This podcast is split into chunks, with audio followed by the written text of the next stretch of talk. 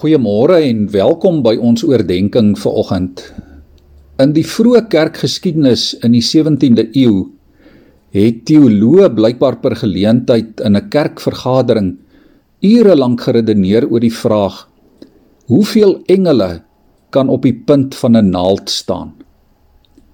Liewe vriende, ek kan nogal in my gedagtes sien hoe hulle so sit of staan en redeneer.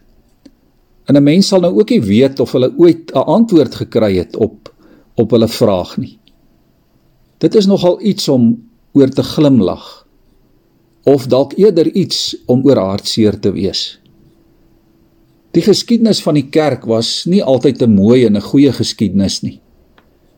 En vanoggend moet ons erken die kerk en gelowiges raak baie dikwels en maklik die spoor heeltemal byster. Ons het dikwels rede om skaam te wees omdat ons nie altyd is wat die Here wil hê ons moet wees nie. Ons is nie altyd besig met die Here, met die hoof van die kerk en met dit wat hy wil hê ons moet doen nie. En tog het ons soveel rede om ook ver oggend dankbaar te wees. Ons kan vanmôre weet dat dit God is wat sy kerk deur die eeue gebring het tot hier toe. Ja, hy het die kerk gedra oor hoogtes en deur dieptes het hy ons gelei. In Handelinge lees ons hoe dat Paulus voor keiser Agrippa gedaag is oor sy geskiedenis as gelowige. En hoor wat antwoord Paulus die keiser daar in Handelinge 26 vers 22. Paulus sê omdat God my tot vandag toe bewaar het staan ek hier as sy getuie voor klein en groot. Hoor dit weer. Omdat God my bewaar het, daarom kan ek sy getuie wees. Liewe vriende, jy en ek wat ver oggend deel is van Christus se volgelinge. Ja, ons wat deel is van die kerk. Ons is nie volmaak nie. Inteendeel, Ons is onvolmaakte mense. Ons kan ver oggend egter weet dat God reg deur die geskiedenis groot dinge vir ons en vir sy kerk gedoen het. Dink maar net vandag terug aan jou eie lewe. Dink terug aan jou eie klein stukkie geskiedenis en onthou die trou van God. Ons vergeet dit so maklik. Die kerkvader Calvin het gesê Daar hoef net 'n blaartjie te ritsel. Dan begin ons bewe asof God ons vergeet het. Al het ons deur die jare die wonderlikste ervarings gehad van God se bewaring.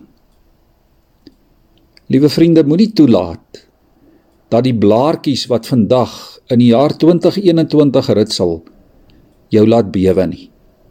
Kom ons wees eerder saam baie diep dankbaar. Kom ons wees bly oor die trou van God En kom ons onthou die groot dinge wat hy deur die eeue gedoen het. Soos die digter van Psalm 126 ook bely.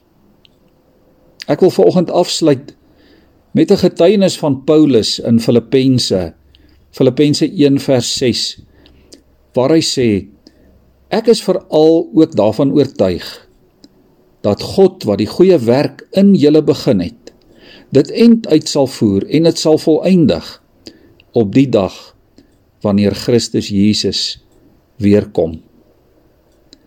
Kom ons buig ons oë of ons maak ons oë toe en ons buig ons hoofde voor die Here.